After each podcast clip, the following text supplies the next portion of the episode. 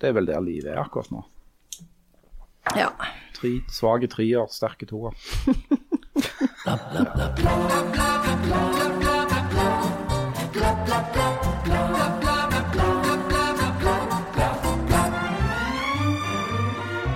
fleste har klart seg helt fint gjennom koronaen, men de som sleit psykisk fra før, de sliter ekstra mye nå. Og alle elsker bøndene, men lønn, nei, det skal de ikke få. Og ikke minst, du skal få høre en eldre mann kjefte på russen, noe som sikkert blir veldig vakkert. Skikkelakk, skikkelakk.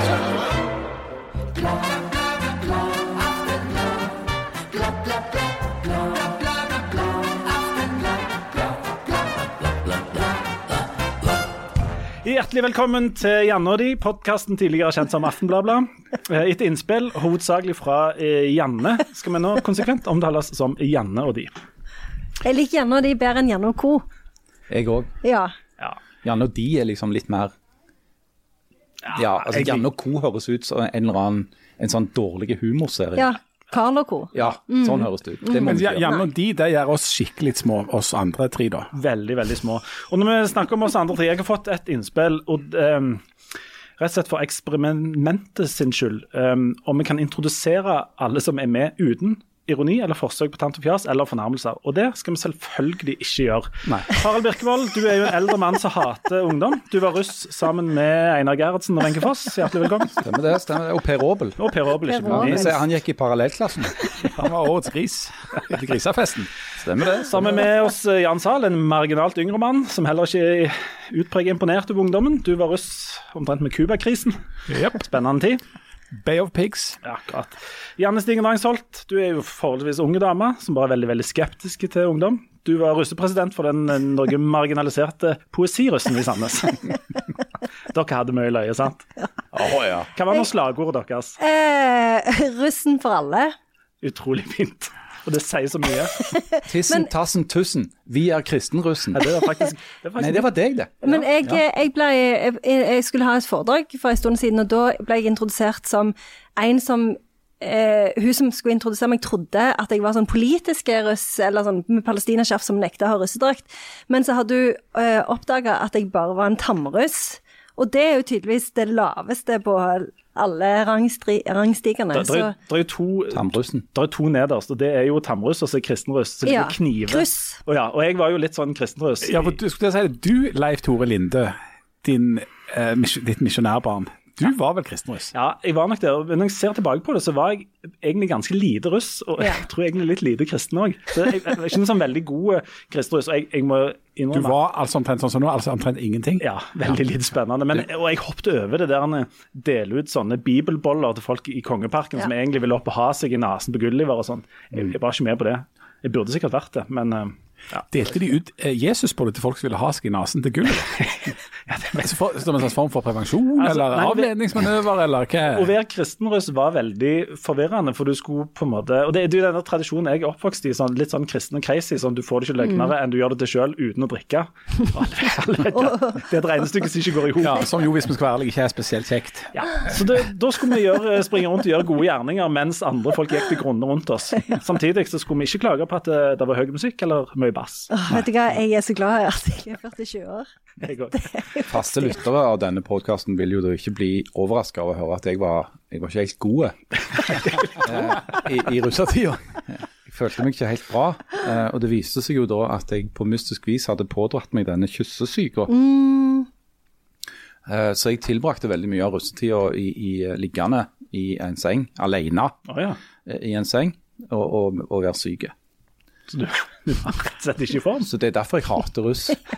Og du vil kanskje ikke Jeg liker jo ikke at folk har det kjekt. Nei.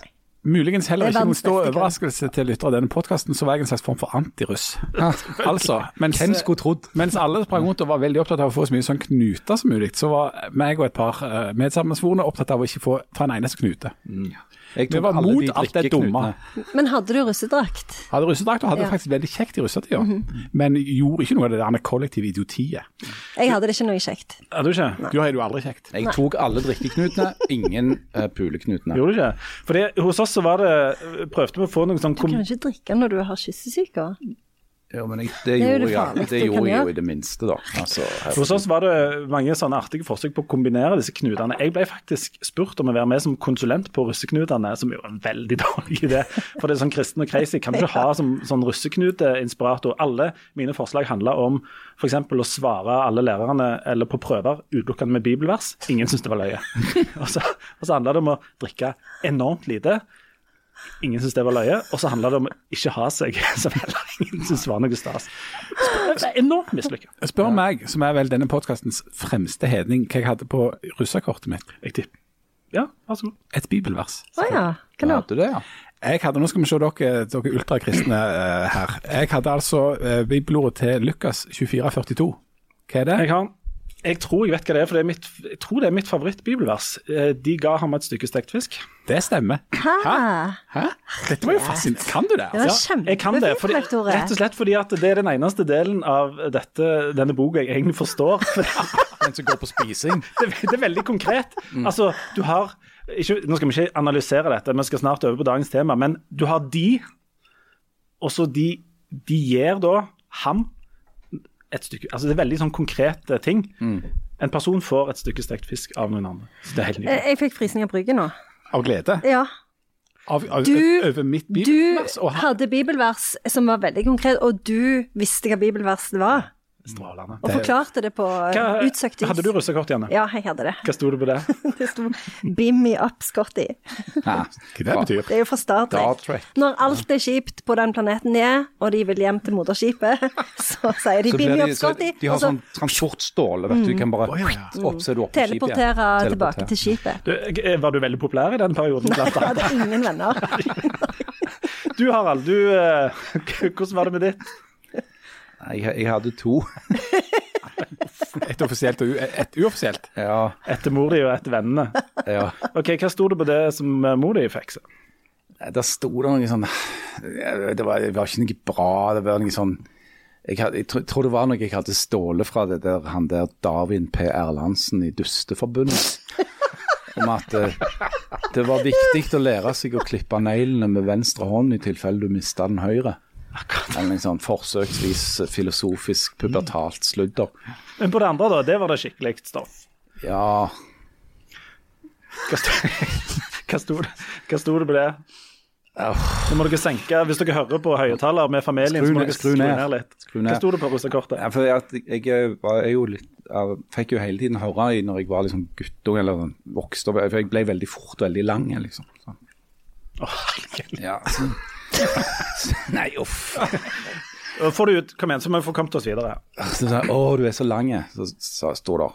Det sa mor di òg. Og Leif Tore, vi tar med deg òg, men vi snakker om russen nå fordi vi snakker om russen. Ja, men hva hadde du på ditt? Jeg hadde òg faktisk to forskjellige. Det ene husker jeg ikke faktisk. Hva hadde du òg også to forskjellige? Ja, det skjedde en feil, og vi fikk noen rosa russekort, oh, ja. og så fikk vi kompensert med noen røde. Men eh, på det ene så tror jeg, jeg tror, På det ene russekortet mitt så tror jeg det sto 'Dette kortet gjelder bare på torsdager'. Ja. Som er et sitat fra Mad brettspillet. Der du kunne trekke som prøv lykken-kort. Og på det kortet sto det at dette gjelder bare på torsdager. Så det var, men det var litt panikk. eh, Det ble skrevet litt i panikk. Og det, alt dette snakker vi jo om fordi at Harald, mann eh, 53 ca., har skjelt ut ungdommen. For vi har altså hatt den altså åpningshelga for russen og for russetida, som eh, vi alle ser tilbake da på med litt varierende entusiasme. Men den eh, feiringen den eh, har jo nå ført til at Stavanger-området har fortsatt med nedstengning på strengt vis, for det har altså oppstått smitte der i, i eh, denne russefeiringa. For de har da altså ikke holdt meter når de har gjort både ditt og datt. Hvem skulle trodd? Hvem skulle trodd? Og da er jo noe av diskusjonen som går her ute i verden nå, og som du Harald har gått inn på, burde Burde vi tenke at ja ja, sånn er det å være russ, og litt slack må de jo ha, og la de nå holde på? Eh, eller nå må vi avlyse hele russetida, og nå må de slutte med dette her. Altså, ja, hvor er vi hen? Ja, nå er vi jo der at russen helt på eget initiativ, eh, liksom, eller eventuelt under hardt press fra ut, utenverden, har bestemt seg for å slutte med denne rullinga i to uker. For det, det som skjedde nå, var jo at det var sånn helg med, da det skulle være russedåp, og endelig skulle de få rulle rundt i de svindyre bussene sine. og og drikke og kline og herje på sånn som de, de egentlig skal, da, eller vil. Og så førte det simsalabim til at det ble koronasmitte. Og det var det jeg mente med hvem skulle trodd. At Ja. det hadde blitt koronasmitte har at en masse folk satt tett, tett på hverandre og slikte hverandre i øynene i en russebuss. Hvem skulle trodd? Ja, hvem skulle trodd. Men, det- men det er vel bare her det har skjedd. Det er jo ikke skjedd i resten av Norge. Altså, det er jo et element av uflaks her, men vi må kunne si at det var skikkelig uflaks. Ja, det var skikkelig uflaks. eh, helt uventa. Nei. Det er jo det er Altså- litt sånn tilrettelagt ufor... Ja, det er sånn tilrettelagt uflaks. Men, men så er det sånn, jeg skjønner jo veldig godt alle de som tenker at fader, stakkars folk, må de jo få lov å, å kose seg litt. ikke sant? Og de som har kanskje russ i huset, tenker fader og stakkars. Både Jeg hadde russ i fjor, det var jo samme driten da. Det var jo ikke noen russefeiring å snakke om. De satt der de der stakkarslige kohortene sine og sutla med noen lunkne pils. Sant? Det var jo ikke sånn som det skal være med risikosex og, og galskap. Sant? Eh, Så, så jeg skjønner jo det behovet sant? for å, å avreagere og utagere og alt det der. Men, men det er liksom ikke helt tida for det nå. Uh, når vi da får servert nyheten om at uh, gudene vet hvor mange de har jeg vet ikke, de- 22 når vi spiller inn nå. 22 når vi spiller. I går var det 14, dagen før var det 7. Sant? Så det er et eller annet på gang der. Og det vil jo logisk føre til at disse her koronatiltakene må forlenges, og det er skikkelig drit. Men er vi, er vi strengere med, med russen som gruppe enn vi er med andre? Fordi at det, det er noe sånn iboende i de der russegreiene at eh, de eneste som egentlig liker russen, det er de som er russ. De, både de som er litt yngre og de som er litt eldre, syns det er Men sånn skal det jo på en måte være. Ja, men, det men det? uh, har vært eh, pensjonister på bussturer som har blitt smitta. Det har eh, skjedd på, i skoler i andre sammenhenger, i, på bedehus eller på bingohaller og sånt. Men med en gang det er russen, så virker det som om det er vi blir litt mer aggressive. Jeg er litt uenig, for det at du hører altså, Du nevnte jo f.eks. denne bussturen. Eller de som har vært uh, i, i grønn sone, som viste seg å være rød, ikke sant? og så reiste, fikk lov å reise en stund. Eller for så vidt for å spole helt tilbake til når denne her herråda begynte, med de som hadde vært på afterski i Ischgl i Østerrike, og kom hjem glødende av virus. Så har det jo alltid kommet en sånn reaksjon. Nå må vi ikke henge ut denne gruppa, nå må vi ikke henge ut denne gruppa. Vi må heller ikke henge ut eh, norskpakistanere som på dødelig skal i bryllup i Peshawar med bare de 900 nærmeste. ikke sant? Altså, det er jo, det er jo, du får jo alltid den reaksjonen. Når noen får kritikk, så er det noen som sier nå må vi ikke peke på hverandre her, må ikke gjøre det. Eh, men litt peking må jo til. Altså, Hvis det er ei gruppe som oppfører seg på en måte som truer eh, liksom, livet til alle andre, så, så må de jo nødvendigvis pekes bitte litt på. Uh, og Denne gangen var det russen, neste gang er det noen andre. Ja, men jeg skjønner ikke hvorfor ikke kommunen Stanley. ja, det offentlige. gått- Ja. Ja. Hvorfor har ikke de gått ut og sagt at ingen, må få være, ingen får være russ nå? Eh, fordi at det, eh, det sier jo seg sjøl at eh, eh, Jeg òg syns jo at det er dumt hvis russen blir hengt ut og alt det der, men, eh, men det er jo helt det er jo en ko-ko idé at noen skal være russ nå. Og, og sånn som nå er vi i ventekarantene eh, hjemme hos oss.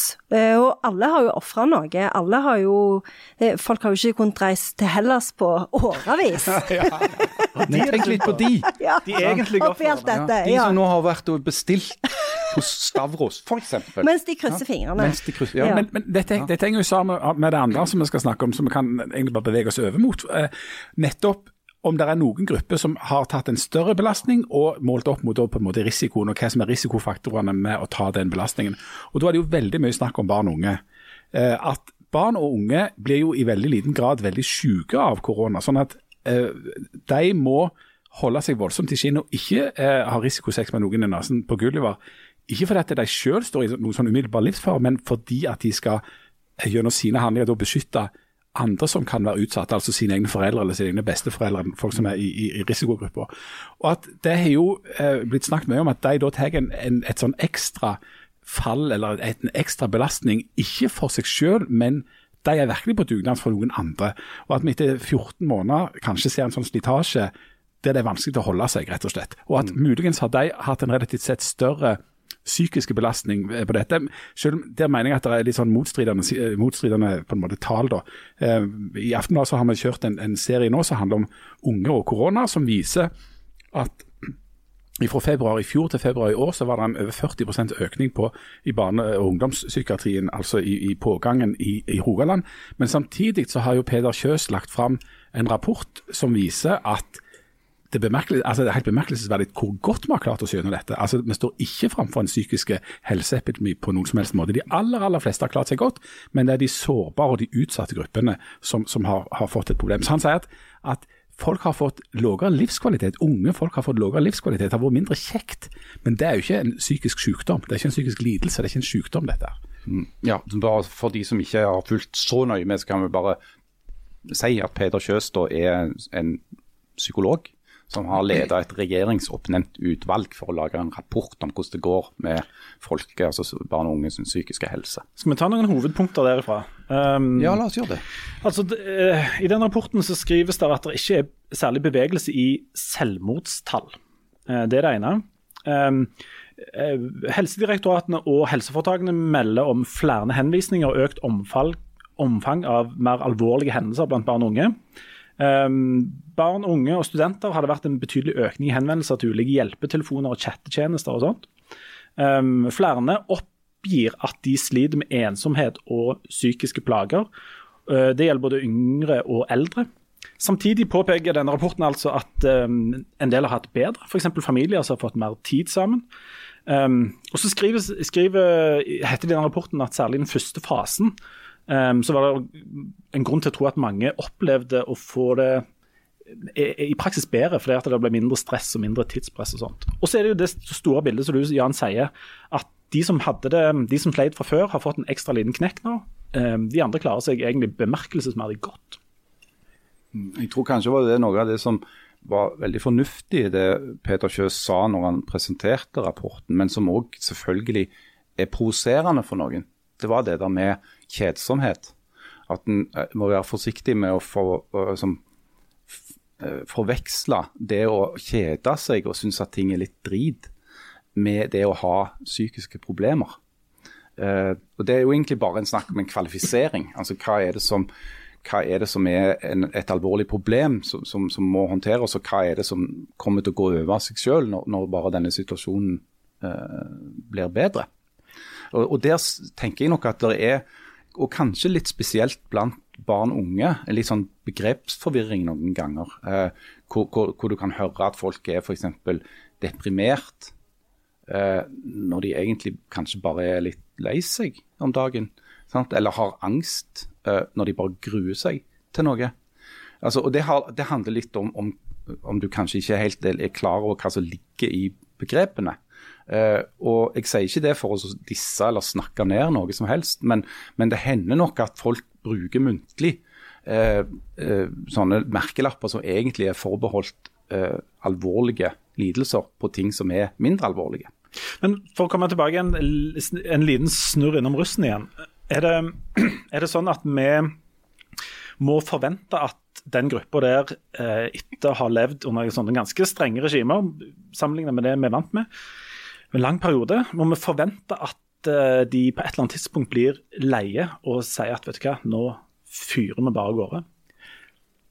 Ja, eh, vi kan jo kanskje forvente det, men de bør jo ikke gjøre det. Fordi eh, russen er jo tross alt bare ei lita gruppe av alle de ungene eh, og ungdommene som har eh, ofra noe i denne perioden. Så jeg skjønner ikke hvorfor russen skal være i en særstilling. Jeg så jo det var på, I kommentatorfeltet på Aftenbladet så var det jo en student som hadde skrevet at hun håpte at de tok hensyn og ikke feste for mye nå, fordi at det, hun orker ikke et semester til med digitale forelesninger. Så det, det er jo alle barn, unge og unge voksne har jo ofra noe.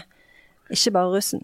Altså, jo yngre de er, jo mer har de ofra sånn i mm. prosent av mm. livet sitt. Ja. Ja, og så lenge den pandemien er, så, så, så nytter det ikke å bli leie. Altså, det, det, er på en måte ikke et valg eller en opsjon du har på sånn individnivå. Det er altså, Vi må holde ut i sammen altså for en stor del. da.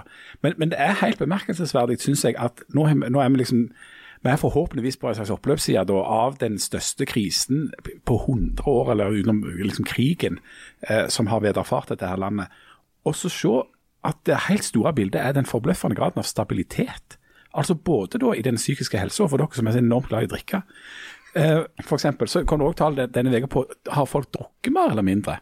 Og Da er det altså sånn at 9 sier at de har drukket mer i denne her eh, perioden. Det er da Janne og 50 Harald. 50 Jeg, er- jeg er helt klart i den prosenten. Ja, du, ja, dere er i den prosenten. der. Altså Folk som drakk en del fra før, drikker enda mer nå. 9 er vel omtrent din jevne promille. Ja. ja. Og når av at, at det er de, det er de høyt utdanna. Harald er jo ikke så høyt utdanna, men hun er professor. men jeg har den på stor bil. Ja. Men, men, men det andre tallet er at 25% drikker mindre. Og det store flertallet, 65 de drikker omtrent som før. Sånn at innenfor alkoholkonsum er det omtrent som før. Innenfor psykisk helse er det omtrent som før. Økonomien for de fleste er jo sånn omtrent som før, men der òg er det da grupper. Det er hele tiden noen, noen grupper som har det ekstra og som har hatt en ekstra smell. Men st- storbildet er stabilitet. Og Det er noe sånn eh, flott over det, egentlig. At det, det er en sånn, Vi er robuste og, og tåler en, den verste krisen noensinne. Ja. Det var jo en av de tingene som Peder Kjøs òg la vekt på når han presenterte denne rapporten og ga den til Erna Solberg, som sikkert la den fint ned i en skuff.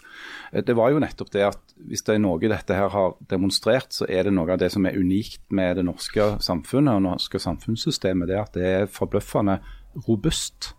Eh, og Det har vi jo òg sett i enkelte andre sammenhenger, som, som f.eks. denne finanskrisen, som slo mye mindre alvorlig ut i Norge enn i veldig mange land som ligger veldig nær oss.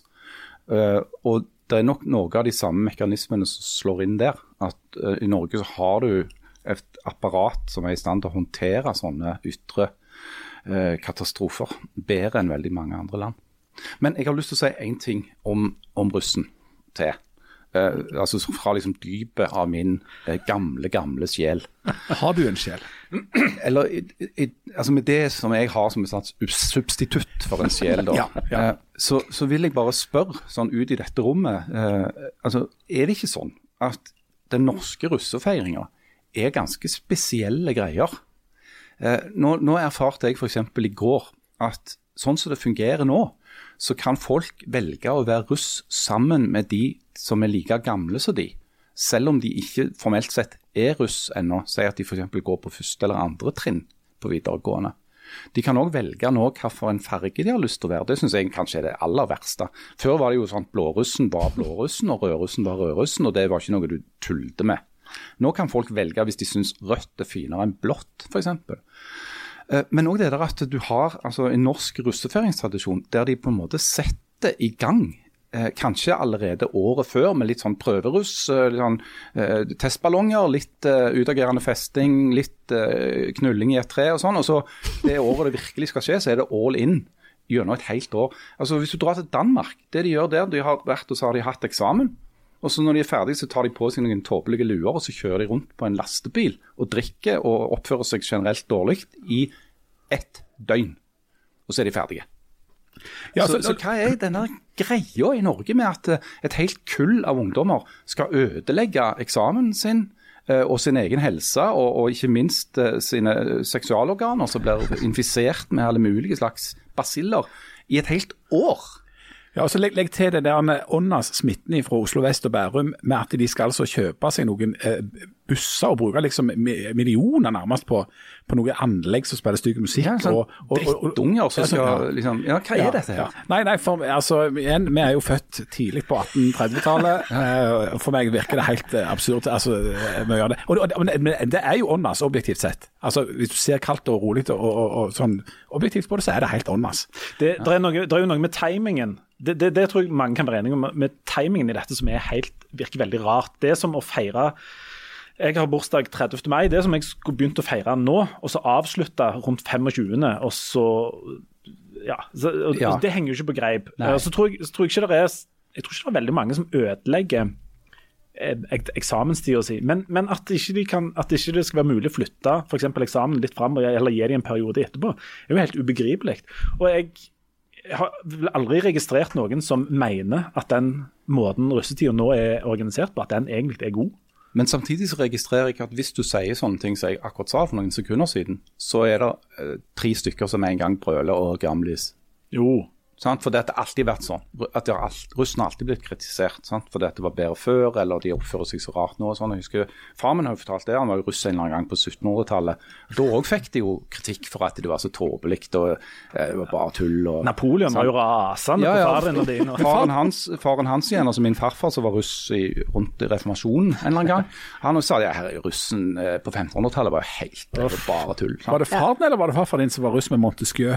Han, farfar var russ eh, med Montesquieu, ja. Og så der. Han var jo sammen leder. Faren, faren hans igjen var jo russ på Stamford Bridge. Det stemmer det. Det var, det var han som spente buen for Harald Hårråde ved Stamford Bridge. Dette er et ungdomsprogram. Ja, det er virkelig et ungdomsprogram. Nei, men det, det, det, Denne russetida den henger jo ikke på greip. Og En sånn type feiring kommer voksne folk aldri til å like. Men jeg tror um, jeg Men er det det som er kult med det? At ja, det, ingen liker det? ja, det er litt kult med det. Men jeg tror det å kunne ha en sånn feiring etter den der eksamen er, må jo være bedre for absolutt Ja, absolutt. Ja, men Kanskje vi bare parkerer den debatten en gang for alle her nå, nå i dette Jo, jo. ungdomslige studioet som vi sitter i, og sier at eh, dere russen, tar dere sammen. Uh, vi tar dette her etter eksamen. Uh, ei uke, ferdig. Du, Eller vi- kan bare sitte inne alene og se på Star Trek igjen og igjen. Det kan du gjøre. Eller du kan ha kyssesyke og bare ligge på rommet ditt. og før vi tar en liten pause nå, hva, Janne, hva er ditt vakreste minne fra din egen russetid? Nå, nå graver du djupt. Kommer ikke på noe. Nei, jeg var jo ikke med på noe. Du var ikke med på noe. Nei, Men ikke du jo Satt inne og leste Ted Huge? nei og, og jeg håpet satt at det kom så, sånn så på? TV. Så. Ok, Så du, du så på TV. Jan, hva, hva var det fineste du opplevde? Nei, Vi hadde det rett og slett enormt kjekt. Altså, det, det, var, det var bare sånn generelt. Jeg husker tilbake på det med enorme glede. Vi var med på fest. Jeg har jo alltid vært sånn fornuftig, da, så jeg endte jo ikke opp i noen sånn grøftekant eller fikk farga ansiktet kålsvart av sprittusj eller noe sånt. Så, så jeg hadde det jo fint. Um, nei, vi, vi, det var, vi var en eh, god gjeng. Det var en del fine folk der, og vi hadde det gysa kjekt. Harald? Nei, jeg kan ikke huske noe som var spesielt kjekt. Men altså, det, vi drakk jo tungt, da. Det Det var jo kjekt en, en liten stund, og så etterpå er det som å være nede i et svart hull. Synd. Nei! Vi, snakker om det. Jo da, vi skal innom, Gå syn- så- åh. vi skal innom Synkål litt. Jeg må, bare- jeg skal, mitt vakreste minne fra Jeg var jo i Kongeparken. Å ja, var du? Ja, på, Det var i. I en slags eh, mellomposisjon mellom den vanlige russen og kristenrussen. Sånn. Stakkar deg. Hva heter han der den finske fredsmekleren? Artig, artig-smekk. Ja, uansett. Um, men der var vi, kom en formiddag, og da Matti. Ahtisaari, ja. Ja, jeg følte meg litt sånn som han som gikk rundt og liksom egentlig ikke gjorde noe nytte, men og kunne vært en annen plass. Men vi kom der om morgenen. Jeg hadde jo ikke vært der hele natt, så jeg gikk hjem og sov. Så kom jeg tilbake om morgenen, og da så jeg altså noen fra mitt kull. Der lå det en sånn grøftedritas eh, og sov. Og der var det to andre som fant ut, to kamerater av han som fant ut at nå skulle de finne på et eller annet artig. Så de åpna russedressen hans. Og så trakk de rett og slett ned buksa på Så tok de tak i eh, lillekaren, holdt den i et grep, så tok de en rød sprittusj og prikka godt rundt på, på lillerussen der. Så når han våkna, så fikk jo han totalt panikk for hva det var han hadde vært med på kvelden før. Og, og styrte voldsomt for å prøve å få medisinsk hjelp. Det var i hvert fall noe å ta med seg russetiden. Ja, det, var, det var et fint minne. Ja visst. Det var et fint minne. Ja. Ja, det er fine, fine tider. Fine tider. Vi skal, vi skal hoppe fra russen til en annen uniformert gjeng, nemlig bøndene. Men vi skal bare ta en kjapp liten pause. Så er vi snart tilbake igjen eh, med Janne og de, del to.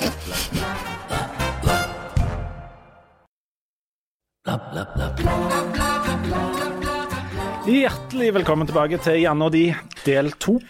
Det vi jo ikke tok opp i første del, som vi ofte tar opp, det er, jo, det er jo dette med post. Eh, det er jo ikke til å komme forbi at vi får en del post.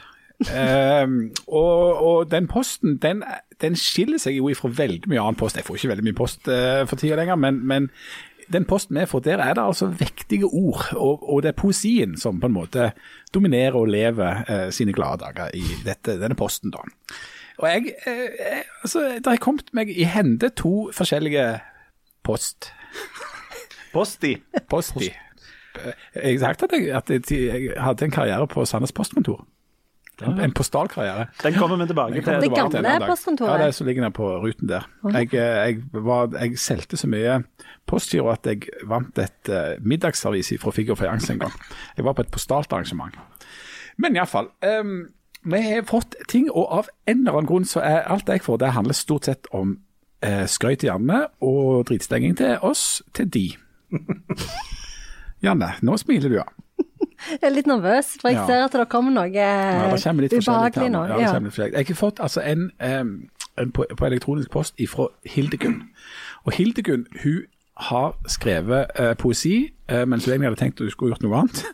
Men, men eh, det er poesi, vil jeg si, i Andre Bjerke-tradisjon. Det er altså verken limerick eller sonette. Det er, jeg tenker, Andre Bjerke.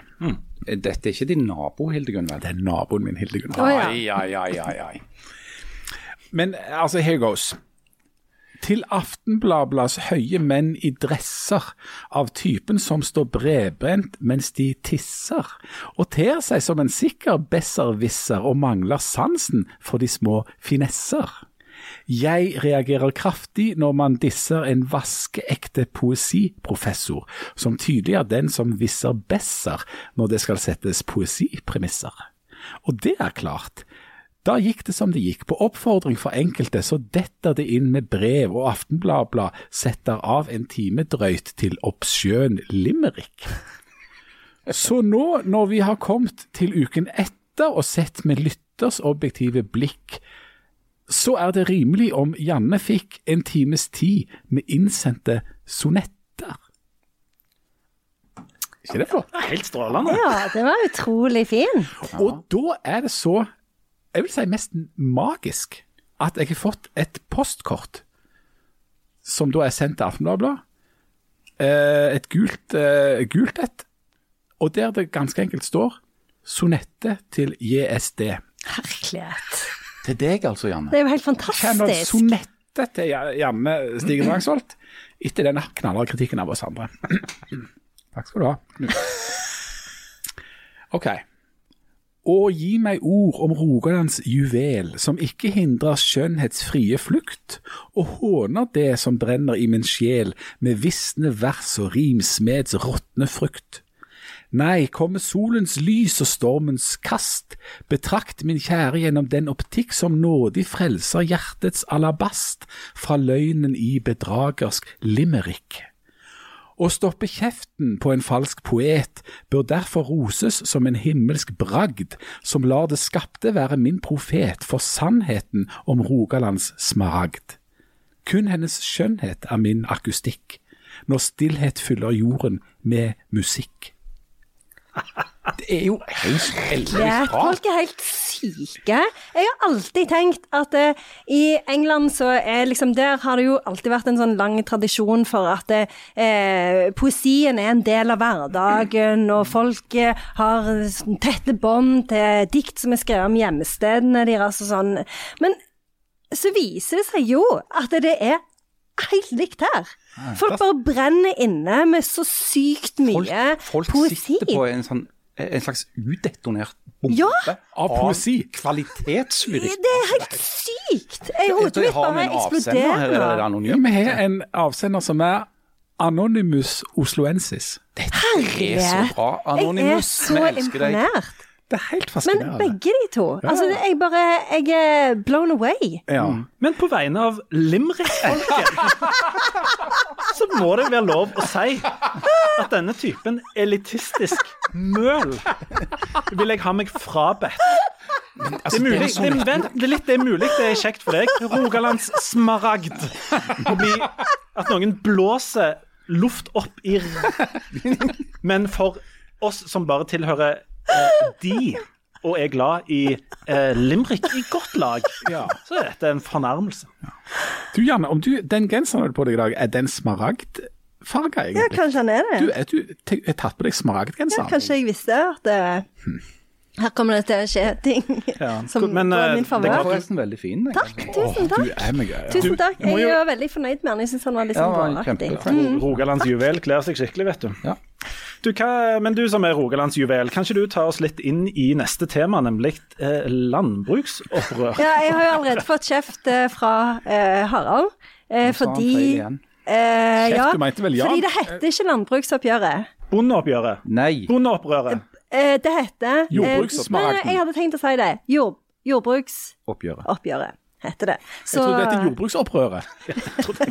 Det er en annen ting. Jeg klarer ikke å huske det nå. Dere er så, hvor vanskelig kan det være? Det heter ikke landbruksoppgjøret Altså- eller bondeoppgjøret eller noe sånt. Det heter jordbruksoppgjøret. Ja. Men hvis ikke Rogaland Og- Smaragd klarer å huske det, så må de finne et nytt navn. Men altså, Janne driver jo ikke med eh, jordbruk i sitt daglige virke. Hun driver jo med TV. litteratur og poesi Men og i, sånn. i den søndre delen av godset på Sandnes er det antageligvis et, et landbruk òg. Jo, de Ja, har altså, jo har selvfølgelig jo- noen leilendinger, men det Noe hvite, noe hvite asperges nede i et Eh, hjørne. pluss at det er Ted Hughes.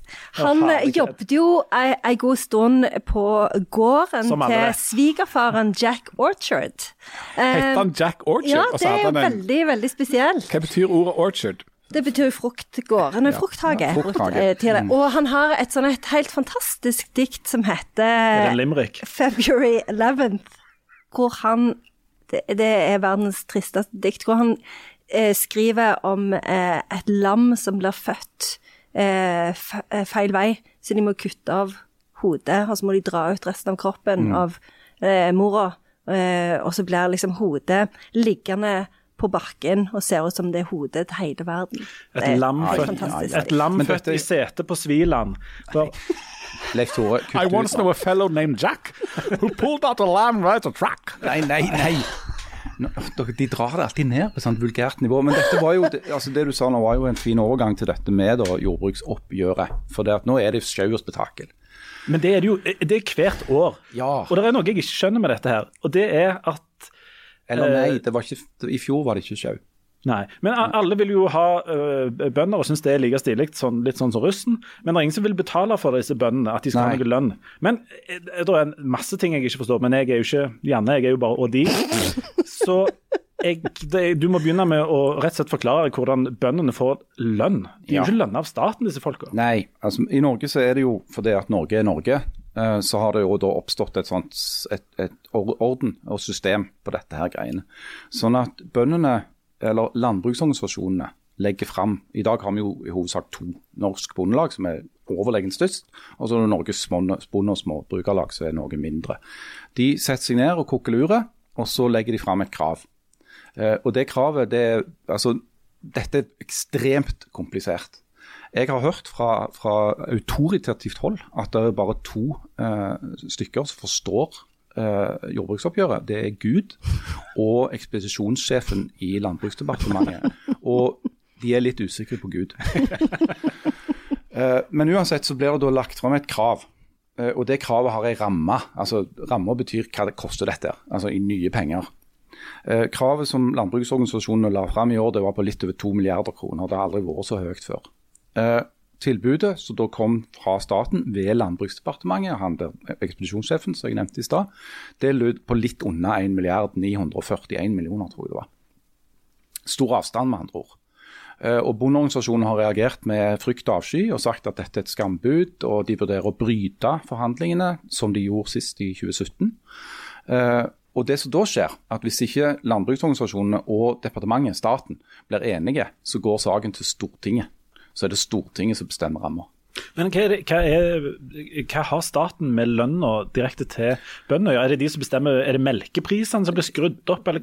Ja, det, det kan være sånne ting. Altså Størrelsen på tilskudd som bøndene får for forskjellige typer eh, produksjon, det, altså støtte, og så er det import. Det er forskjellige altså, element. Det er veldig komplisert. Det, det, det er ekstremt komplisert. Men det som i alle fall er saken, det er at eh, altså, det er, historisk så er ikke avstanden mellom krav og tilbud i år eh, verre enn den har vært før. Den har vært prosentvis større tidligere. F.eks. i 2017, når det endte i brudd, så krevde organis- bondeorganisasjonene noen hundre millioner, og så fikk de et tilbud på 80, tror jeg det var. Sant? Så prosentvis mye større forskjell enn enn det er nå. Eh, men da endte det også opp i brudd. Eh, og det endte med at Stortinget måtte da gå inn og vedta hvor mye bøndene skulle få. Og det er jo fordi at i Norge så har vi et politisk landbruk. Altså, Hvis ikke hadde vært importvern og, og tilskudd og ditt og datt i, i Norge, som ligger langt mot nord, så ville norske bønder blitt totalt utradert av konkurransen fra utlandet. Så Men det er, grunnen. men er bondeoppgjøret og opprøret, eller bondeoppgjøret da, jordbruksoppgjøret, er det politisk bestemt? Og og, igjen, altså, Der henger noe på det spørsmålet der. For det er jo sånn at Nå skal det bli valg eh, til høsten, og den store vinneren det valget så langt, før det er gjennomført i hvert fall, men på meningsmålingene, det er jo Senterpartiet. Russen hadde feira valget nå. De hadde begynt å feire det nå. Eh, og Senterpartiet, tidligere eh, kjent som Bondepartiet, eh, er jo liksom bondens venn og, og distriktenes venn og, og jordbrukets venn. Vil for det første er det sånn at Senterpartiet, hvis de sitter i regjering, gir mye bedre eh, jordbruksoppgjør enn andre. Og er det sånn at den regjeringen som sitter nå, kan gi eller bør gi, eller kunne gitt mer penger for å stagge litt av den der eh, jordbruksaggresjonen der ute? Det, det er nok en del av det politiske bakteppet her, at uh, det er valg i høst. Uh, og Derfor så vil jo sikkert regjeringen um, være villige til å, å, å, diskutere ting, i alle fall som de kanskje ikke har vært fullt så villige til å diskutere hvis det ikke var valg. Eh, fordi det, som du sier, det er et bakteppe der Senterpartiet ligger som gjedda i sivet og bare venter på at dette jordbruksoppgjøret skal kollapse, sånn at de skal kunne si at hvis det bare vi hadde styrt, så ville det blitt mye mer. Men du har jo rett i det at Senterpartiet har jo de siste ti åra hatt uh, opptil flere landbruksministre, og det har ikke alltid vært idyll i de forhandlingene av den grunn. Uh, men, men dette, dette jordbruksoppgjøret er jo på en måte vår måte å løse det dilemmaet som ligger i at vi har et politisk landbruk uten politisk velvilje og, og, og generøse støtteordninger, så ville det ikke vært mulig å drive landbruk over hele Norge. Det sier seg selv. Uh, sånn at Derfor så, så har liksom landbruksoppgjøret denne her, sånn hybridkarakteren. Sånn, for det at Egentlig så er jo et, et, et gårdsbruk da, er jo en liten bedrift. Det er et lite AS, AS Bonde, som driver på med en eller annen produksjon. Om det er melk eller gras eller sau eller hva det måtte være. Eller en kombinasjon, som det er mange plasser. Og som, som driver og selger produktene sine inn i et marked til de som ønsker de. Sant? Men, men, men, er det bra eller dumt? For at Hvis du skulle sitte en sånn markedsmessig på det, og, ja. sånn, sånn som det, og hvis dette skulle ha lønt seg eller gått rundt på noen måte, så kunne du i Norge drevet landbruk på Jæren altså der som vi bor, som er liksom en av de, som er kanskje den største på en måte leverandøren av både det ene og det andre. Svin og høns og egg og gud vet hva det måtte være for noe. Du kan gjøre det på flatbygdene på Østlandet, der er det svære gårder, og så er det noen flatbygder oppe i Trøndelag. Ja. Men bortsett fra det, så er det egentlig omtrent ingenting av dette her som på en måte lønner seg i en sånn markedssammenheng. Nei, hvis du og, med lønner seg mener at du hadde klart å konkurrere med ja. f.eks. industrilandbruk i Sør-Europa. Ja, og så er det også sånn at det, med det bakteppet der, så er det jo sånn at bond bonde eh, altså Bønder er jo så enormt mye forskjellig. da. De mm. driver med enormt mange forskjellige ting. Det er veldig ulike forutsetninger for det de holder på med. Eh, noen går i en eller annen sånn bratt oppebakke nærmest med, med ljåen og driver med sånn virkelig småbruk. Veldig mange bønder jobber jo ikke fulltid som bønder, men har andre eh, jobber på sida av, sånn at de har en økonomi som er mer og noe annet enn det der med å drive med jordbruk. Så det må være enormt komplisert å manøvrere i. Yep. Uh, og Det er viktig å ha i bakhodet at den norske landbrukspolitikken i stort har to formål. Det ene er å sørge for at vi får, uh, klarer å forsyne oss selv med en del essensielle matvarer. Og Det andre formålet er å sørge for spredt bosetning. Sånn at landbrukspolitikk i Norge er òg distriktspolitikk. Jeg eh, kan jo lite om det meste, men jeg har jo tilgang på Google. Så jeg har funnet, fant noen tall som overrasker meg litt. Om gjennomsnittsbonden Um, ifølge Statistisk sentralbyrå så har gjennomsnittsbonden bare en tredjedel av inntekten sin fra gårdsdrift. Altså mm. tradisjonelt gårdsdrift. Det var mindre enn jeg trodde. Jeg visste det var mange som drev med, kombinasjonsting, men altså bare en tredjedel. Og inntekten til en norsk bonde fra gårdsdrift i 2019, altså gjennomsnittlig inntekt per bonde, hva tipper dere den er? Eller vet dere det? Var det et par hundre tusen? 270 000. 201 000. 201 000? Ja, 201, 201 000, ganske lite. Og så eh, så jeg òg at det har blitt, eh, det har blitt ca. 20% færre gårder i Norge de siste ti åra. Men det mm. største raset skjedde mellom 1970 og 1990. Mm. Da vi gikk fra ca. 150 000 til 70 000. Mm. Og så Er det sånn, er det en bra ting eller en dum ting at det har blitt færre bruk? Betyr det at eh, det har blitt færre bruk, men at mange av de som var som, For dette er jo sånn, sånn hvordan skal du bruke penger, da? For det er jo ikke ubegrenset med penger. Eh, hvor er det på en måte rasjonelt å bruke hvor mye penger for at det skal bo noen som holder på med akkurat det akkurat der? Eh, og Det er jo òg en politisk vurdering, en politisk beslutning. Sånn. Mm. Altså, er jo, Norge er jo prega av det som skjer rundt oss. Uh, og dette med uh, altså avvikling av små bruk og overgang til større bruk er jo noe som har skjedd over nesten den hele landbruksindustrialiserte verden. Da. Eh, så det er ikke noe unikt for Norge. I Sverige har det gått mye lenger. I Sverige har, har det blitt ført en politikk som har, har, ført til at store deler av utkant-Sverige er jo omtrent avfolka. Eh, og blitt omdannet til store skogbruksområder. Uten noe særlig landbruk i det hele tatt. Altså i form av dyrking, da. Eh, sånn at Norge er jo litt sånn et unikt unntaksland. Eh, du har et par andre eh, i Europa, særlig Sveits, har en landbrukspolitikk som minner om det norske. Hvor de òg har klart å beholde spredt bosetning. Alle som har vært i Sveits eller sett bilder av disse sveitsiske engene med beitende kyr. Det er ikke bare postkort. Det er faktisk sånn det er. Og Det er pga. en bevisst politikk. Du, du Harald, du jo, ble jo kåra til hva var årets bondevenn i Suldal kommune i 2019, eller et eller annet helt marginalt. Eller Ytre Suldal kommune. Ja. ikke, ikke, hele. Nei, eh, minsteprisen ja. i verden, bortsett fra den som Jan fikk for, for en gang i året. Ja, han, det, det, er omtrent på samme nivå. Ja. Um, men um, tror du som da bondevenn mm. at um, og det å drive landbruk hadde vært mye mer attraktivt bare um, de tjente bedre på det? Eller er det mer komplisert enn som så? Jeg tror det er mer komplisert enn som så, men uten at det går an å få et noenlunde fornuftig utkomme av å drive et gårdsbruk, eh, så vil du jo ikke klare å rekruttere nye bønder eh, i konkurransen om, om lønn Eh, så må det være mulig. For det, det å være bonde i dag, det, det, krever en viss form for eh, dedikasjon. Altså det er, for veldig mange bønder som jeg kjenner, så er det et element av sånn kall i det. Eh, og Særlig fordi at du fortsatt har dette med odel og sånn. Mange yngre føler jo en forpliktelse til å ta over det bruket som far og bestefar og oldefar har, har, har, har drevet. Da. Men uten at det går an å leve av det, så har du trøbbel.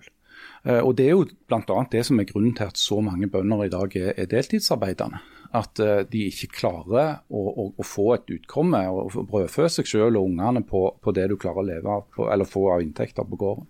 Professor eh, Drangsholt, burde en egentlig ta kanskje skrudd ned lønna til ekstremt rike professorer i f.eks. britisk eh, poesi, og så overført noen av de pengene til en eller annen bonde som gikk i Erland Dalsida og slo gras? Det er jo tydelig at poesigleden blant folk flest er enormt stor, så jeg ville vel heller tro at eh, ja, bøndene bør få mer lønn. bøndene, altså bønd, det med bønn er vel òg eh, en sånn en konsekvens av eh, denne her koronaen. fordi at det, eh, det, er jo, Bøndene er jo en del av de der yrkesgruppene som en står og klapper for nå, og, og mm. sier, tenker at det, disse er jo kjempeviktige for oss, men så er det jo bare den der ene applausen som de fikk mm. eh, 24. mars i fjor, så de fikk. Ja, det var den ene gangen. Ja. Ja, og, og, det er jo samme med sykepleierne og, og lærerne. De har, han var jo òg tålmodige i fjor, men i år så tenker de at nå vil vi ha noe mer enn den eh, applausen. Men det er jo tydelig at, eh, at kanskje eh, poesiprofessorer bør tjene enda litt, kanskje 10% mer. Kanskje, ja. ja. Jeg, ville, jeg, ville, sagt 15. Hva ja, tenker du om for, uh, overbetalte kulturjournalister? da? Bør de gå litt ned i lønn for uh... Jeg tror at hvis du skal sikre spredt bosetning, så bør de settes ganske godt opp i lønn. Ja, sånn, at, at, sånn, at, du kunne f.eks. bodd på ikke jeg, Forsand og, ja, for eksempel, altså, for det er noen voldsomme utgifter der. Det, men, men, men, det største problemet med, med, at vi ikke får sånne gårdsbruk, er, det vel, at vi kommer til å ende opp med masse sånne arbeidsledige kunstmalere og diktere sånn, som ikke kan skrive om sånne små pittoreske plasser rundt omkring. og sånt. Det, det, kan vi jo ikke ha noe av. Da blir det ikke noe for professorer og kulturjournalister og sånt å gjøre. Jeg skulle jo ønske at folk var villige til å betale litt mer for maten sin. Ja, for det er jo noe av det rare her. at Mens vi går rundt og syns at maten er så dyr, Han er jo ikke det. så bruker vi nesten ingenting av lønna vår på det. Nei, altså, altså, det, altså Janne bruker jo ingen, altså, ingenting, men det sier jo alt om lønna hennes. Men, ja. men, for vanlige folk her med altså, Ja, altså, det, statistikken viser jo det at vi bruker litt mindre av den totale disponible inntekten vår på mat for, for, hvert år som går. Så Sånn sett så blir mat billigere. Allikevel så er folk nesten sånn manisk opptatt av hvor maten er billigst. og Det er det alle de store matvarekjedene profilerer seg på hver eneste dag. Det er at vi er billigere enn de andre. Uh, og en, Bare én av de kan jo ha rett til enhver tid, så det er jo litt merkelig. Men de holder nå på. Mat, eh, mat, sånne uh, matkjeder, Janne, det er sånne butikker med sånn glorete skilt som heter Tusen eller Kiwi eller sånne ting. Som, Folk er på sånn, sånn fargesterke, litt stygge klær. Grønne, jeg hører dere snakke. Det er klart at Rogalands Smaragd har jo aldri vært inne i en sånn butikk. Du har gjerne sendt noen av tjenestefolkene her for å handle, handle opp noe hvite asparges eller noe. The handmade. ja, ja. sender det. Jeg har ikke en Men de som jobber, de som jobber ute på markene på godset der, de kan av og til, når de ikke hakker opp potet, sendes ut for Gående. å Uff a meg. Ostekompani eller noe sånt. Altså, når, eh, med, med, når du får skryt, du Rogalands juvel, så skal, du, skal vi passe på å holde deg nede, på landjorda. Men du, du um, uh, vi, vi, lar bøndene være i fred. De blir vel enige, de sånn som alle andre som forhandler lønn. De står og raser med faklene mot Ja, hverandre. så enten så blir de enige, eller så bare tar Stortinget og bestemmer hvor mye de skal få. Ja. Da syns jeg de Jeg foreslår 17 000. Um, det er greit. 17 000 hva? Det er generelt. Pesos? Euro? Nei, det er som sagt, det er bare Gud, det er bare Gud og han der i, i ekspedisjonssjefen Ja. som eh, Vanligvis før i tida het han Grue. Ja, men han gjør ikke det lenger. det, det er det som gjør det litt svart, for de fant på det der med ordtaket da mens det var Grue, for da var det Gud og Grue. Akkurat nå er det, litt, det er litt drit, for nå vet vi ikke hvem det er. Nei. Men det er en eller annen regnemester inne i Oslo der. ja. Det er en mann. Jeg, jeg, jeg, Nei, det vet hvis vi ikke er en mann, så blir jeg veldig skuffa. Men hun som hun som er forhandlingsleder for staten, er jo ei dame. Ja, Ja. men det er ikke hun som er han eh, Grue. Nei, Grue er Grue. Grue selv. Eller- Gud er Gud, og, og eh, Gud, alle er mann Gud, var døde. Gud er Gud om alle mann var døde, og Gud er Gud om alle mann var røde. Er, det, er det en kommunistisk sang, det? Dette hadde, dette hadde vel du på, på russekortet ditt, hadde du ikke det? Deler, Ja. deler av dette. Ja. Ok, vi må, vi må begynne å nærme oss slutten her. Du, eh, eh, Smaragd, kan ikke du anbefale Jo, jo. eh, The Peasants et eller annet et av bibliotekene dine, eller noe? Jo, fordi at det Forrige gang så snakket meg og Harald om noe som jeg egentlig hadde tenkt å anbefale, og så fikk vi ikke tid. Eh, og det var jo den nye serien på HBO som heter Mare of Easttown. Fantastisk. Den er så bra. Og den, kommer, det som er litt kjipt, er at det kommer en ny episode hver mandag, eh, og det har bare kommet tre. Så hvis eh, det er folk som ikke liker å vente ei uke om gangen på en ny episode, så Da må de må dere vente, vente litt bare vente litt, Ja. og så se alt på en gang. Nemlig. Men den er så bra. Det er med Kate Winslet i hovedrollen, og det er fra en veldig trist, eh, sleden amerikanske småby hvor skumle ting skjer. Eh, Og den det er, det, det er bra skuespill, det er bra stedsskildring. Alt er bra med den serien. Har dere begynt å se den? Nei, Nei. har han på lista. Ja, Ja. har du lyst Det til er å en helt anbefale noe? fantastisk rolle. Ja. Men bare- Jeg må bare si Ja, det før vi må snakke litt mer om er- den. Altså, Kate Winslet er helt genial. Ja, er altså, med, mange vil jo forvinne henne med hovedrollen i, i, i Titanic, ikke sant? Dette er ikke Titanic, for å si det sånn. Hun, altså, hun er så ekstremt bra. eh, Fordi at hun er så ekstremt mislykka. Ja, hun er det. Og hun treffer jo det isbjellet hele tida. Ja, to ganger til dagen. Ja. Ja. Jo, men hør nå her. Det er det, på vegne av alle andre er det, en, er det en sånn scene med dog på vinduet, og liksom, der, hun får, eh, der de oppfører seg som russ i baksetet på en bil? Ja, er det litt sånn òg? Ja, Det er faktisk det òg. Ja. men da skal jeg se den der. Jan, har du en anbefaling til folket? Ja, jeg har kommet tilbake til det, det som var en, en slags gammel forelskelse for min del, men som jeg eh, lenge nå ikke har fått hørt på, fordi at jeg ikke vet hvorfor. Jeg ble kanskje litt lei på et eller annet tidspunkt. Men her om dagen eh, så hadde jeg ikke flere podkast igjen å høre på, og så lå det mange episoder eh, i lageret mitt av klassikeren og den ganske store og ganske kjente eh, podkasten This American Life. Der bør en av og til gå inn og høre noen episoder. Det er historiefortelling på ypperste nivå, stort sett. Det er nesten på høyde med Aftenbladet. Ja, helt på høyde. Av og til kanskje i et godt glimt av tilfelle. På en god dag. Altså, de forteller de mest altså, gjerne nydelige historie. Det er veldig god historiefortelling. Ikke noe mer enn det, egentlig. Harald, eh, vil du anbefale noe? Det må være synkeholdrelatert. Eh, Folk er veldig interessert i en oppdatering på dette synkeholdet. Jeg vet ikke hva jeg har merket det. Jeg, jeg får daglig henvendelser om det der forbanna synkehullet. Og i går så gjorde jeg noe med det. Oh, ja. Jeg gikk ut i hagen, uh, bort til ro- den store rhododendronbusken. For det, det, det begynner uh, der i rhododendronbedet, som er et eget bed. Sant? Fordi det at rhododendron skal jo ha surjord, mens resten av hagen skal ikke ha det. Så det har blitt gjært inne da, og blir et eget slags reservat. Eh, og der begynner synkehullet. Og det manifesterer seg da med noen svære sprekker i bakken. Så jeg gikk rett og slett ut med ei rive, og så rakte jeg oppi jord og, og halvspiste fuglefrø oppi de sprekkene for å skjule dem, for jeg orker ikke å gå og se på det lenger. Så nå, er det, nå har jeg rett og slett kamuflert synkehullet, sånn at jeg slipper å se det. Men er det et slags Det er synkehold, men det har òg sprekker? For det er litt Ja, altså, annerledes enn jeg hadde sett for meg. I utkanten av synkehullet så er det sprekker. Oh, ja. og så, ellers så er det egentlig bare en, en stor dump i plenen. Sant? Og un, hva som er under der, det tør jeg ikke vet. tenke på. Men altså, vi i Aftenbladet, eller noen, gjerne de som de fleste nå kjenner som, um, har altså nå fått oss endelig en Instagram-konto. Ja, det sto meg akkurat Ja, nå. det. er så dårlig markedsføring. markedsføring. For det, nå, dette blir en sånn test. Hvor mange er det som hører helt til slutt? Alle. Alle. Alle gjør jo det. Men har, er det? Ja, ja, ja. Men det, dette er sånn, sånn, I sånn markedsføringens ABC så burde vi sagt dette først. Vi burde gått ut sånn Ja, men alle Janne og co. har fått eh, Instagram-konto. Janne og de, du må ikke si feil tittel på podkasten. og og, og, og Janne og de sin Instagram-konto den er- ligger under, ute, ute under pseudonymet Aftenbladet. ja. Men dere må, dere må eh, følge oss på Instagram, og det er altså Aftenbladet eh, sin Instagram-konto. Der Jan og de eh, publiserer ting. Og Der eh, har vi allerede lagt ut litt. Grann, og etter hvert så tror jeg òg eh, altså vi skal, vi skal prøve å legge ut litt ymse og diverse. Og der er dette Blant folk, annet postkort. ja. postkort, og det er dette folkekravet med et bilde av Harald der han i det minste peker på synkehullet, kommer til å bli publisert ganske fort. Jeg var, faktisk når jeg gikk ut i går eh, og gjorde det jeg gjorde, så, så prøvde jeg å ta en selfie, men, men synkehullet er så stort at du, du får ikke noe inntrykk av det når du tar en selfie, så jeg må ha en profesjonell fotograf. Det skal vi selvfølgelig ordne. Ellers er det sånn at det viser seg at dette synkehullet kun eksisterer i ditt hode. Det gjør det ikke. Det kan jeg love deg. Det, det er helt grotesk. Men følg oss altså på Instagram. Kanskje dere får se russ, Er det noen av dere som har eh, russekort som dere kan bjude på der? Jeg leter etter mitt i dag, for jeg mener jeg har det, men jeg fant det ikke. Men hvis jeg, finner det har uh, ikke tenkt å legge ut det.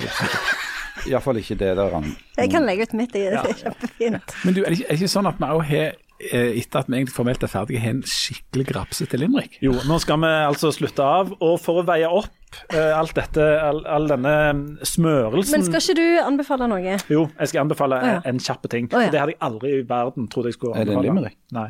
Oh, nei. Jeg vil anbefale folk å ha en vegetarmiddag i uka. Det, det, det sjokkerer meg. Jeg, jeg hørte det når jeg sa det. Det sjokkerer meg. Men vi har, jeg har altså gjennomført det et, et par uker nå, og ikke, ikke prøve å lage sånn Altså lagt bare ting som naturlig er kjøttfrie. Ikke prøvd å liksom ta vekk koteletten. Nei, for det er jo det verste du Ja. kan gjøre. Men jeg har gjort det én dag i uka. Neste gang så, er så, så kan, jeg, kan jeg fortelle en slags uh, kjendisaktig historie, faktisk, så han, så, som munner ut i noe som har med det å gjøre. Men er det kjøttfri mandag, eller er det valgfri dag? Jeg, kjøttfri mandag mener jeg er en veldig dårlig idé, for mandagen er hard nok. Mm. Da trenger, du, da trenger du proteiner og, og trøst, Ja. men du kan ha f.eks. kjøttfri torsdag. Ja. Og til og med onsdag. Ja. Eller lørdag. Ja. Så det- Særlig onsdag, for da er det lov å drikke vin siden. Ja, for Det er veldig bra hvis du har den kjøttfrie dagen på en dag du kan drikke, for da er det iallfall ikke helt uh, Så jeg vil anbefale alle det. Ja. Vi har Meat Free Monday, eh, men i dag som det er onsdag, visste du at eh, det er vårslepp på polet? Jeg tilbrakte en time i kø. Ja, ja. Og de der Vårsleppen på polet. Ja, det vet vi selvfølgelig. handla for uh, Det er mange i husholdningen til Janne som er blitt sendt ut i kø du, der for å du stå. drikker jo ikke, ja. Jeg er altså ikke derfor du er helt Hva har du- du- du kjøpt, da? Hva har du kjøpt? Jeg har kjøpt annet eh, fire flasker med eh, engelsk champagne. Og så har jeg kjøpt eh, Nei, jeg kjøpte, vel, jeg kjøpte endte opp med å kjøpe 18 flasker. Gjorde du? Japp. Men du kommer jo aldri til å få drukket det opp. Kommer aldri drikke det opp. Du kan invitere meg, så skal jeg Ja, eller alle Eller i, Ja, Leif Tore gjelder ikke hjelp men, men kona til Leif Tore drikker en god del. godt. Jeg inviterer huset, kan jeg Ja. stille meg opp i synkeholdet ditt og bare vente dere ut. Du, Vi eh, skal runde av. De som eh, våger å følge med oss bitte litt etter denne, eh, denne outro-jinglen er ferdige, Vi skal få høre en fryktelig grov uh, limerick for å veie opp med alt dette smørelsen til Rogalands smaragd. Og så er Janne og de tilbake neste uke. Husk å følge oss på Instagram, og så sier vi tusen takk for i dag. Ha det godt. Ha det bra. Ha det bra. Ha det. OK, men nå er, folk må inn i headsetet nå, ikke å skru ned hvis det er barn eller eldre til stede. Ja, jeg, jeg skylder jo oppmerksom på at uh, denne, denne limericken jeg nå skal lese, er tilsendt av en, uh, en kar som jeg en gang hadde gleden av å spille i Eiganes uh, skolekorps sammen med. Uh, og han Hva spilte du, og hva spilte han? Jeg spilte, eller spilte og spilte, jeg spilte kornett uh, og trompet. Uh, og han Harald Wetterhus, som han heter, jeg, jeg husker ikke, jeg lurer på om han kanskje gikk rundt og, og blåste i en sånn klarinett. som jo er det aller verste instrumentet. Men, men, men det kan være jeg tar feil. Men har han skrevet den sjøl, eller har han Jeg, hentet den fra et et jeg sted? tror ikke han har skrevet den sjøl, men, men nå skal jeg lese den. Og han, han er veldig grov, altså. Eh, jeg bare, så det er sagt. Han er på engelsk. Men like best, de de skal jo være grove. There once was a girl called Jill Nei, nei, nei. who played with a dynamite stick for a thrill. They found her vagina in South Carolina and bits of her tits in Brazil. Hva tenker du? Rogalands smaragd? Nei, det er jo ikke akkurat Det er så gale. Det er så gale. Det er jo ikke vakkert. Nei, det er Men at dette kommer liksom fra korpsmiljøet, det forundrer meg egentlig ikke. Nei, Det er var one time at bandcamp. Ja, det er, Korpsmiljøet er beinhardt. Jeg spilte jo klarinett, som om det ikke var hardt nok. Det er beinhardt og skittent. Liksom, Du spilte faktisk klarinett. jeg, var, jeg var sist i puberteten og spilte klarinett. Jeg er så glad for at jeg kom meg ut av det korpsmiljøet. Gikk rundt der litt sånn tjukk og liten med den der capen og den blå cowboyhatten og blåste i den der klarinetten. Det er jo ikke akkurat noe du fikk jeg alltid soloen òg, fordi at jeg var dessverre var flink ganske god. Så jeg reiste meg opp, og da var jeg like rød som resten av uniformen mens jeg da blåste ut improviserte soli på den klarinetten. Det er et mysterium at ikke du ble kul, kul russ. jeg var, jeg var helt monumentalt elendig på, på mitt instrument. Jeg var, det. jeg var grævla god på blokkfløyta, da. Sier du det? Da var det den der stramming av lippen du ikke fikk til på kornetten og trompeten? Jeg vet jo et eller annet med ambosjuren, ja. Ja, Ambissen. Den ryker. Da skal du ha det, takk. Da har du det gående. Vet du at det finnes bare tre ringmuskler i hele kroppen? Åh, nei, Nå må vi gi oss. Vi kan ikke begynne å ramse opp er- ringmuskler i kroppen. Moen, Det er moen en ringmuskel. Rødhålet. Er det. og så er inni magen. Ja, den, OK, ja. Mellom nå gulvet. Hva tenker du, er en helt spesiell type muskel, for at hvis, du, hvis det revner, så, så, så er det vanskelig å få til å gro igjen. Dette er faktisk litt vanskelig. Det er andre muskler som kan rive av og så gro de på igjen, men ikke ringmuskulatur. Ringmuskulatur er helt spesiell. aldri skinnet, nei.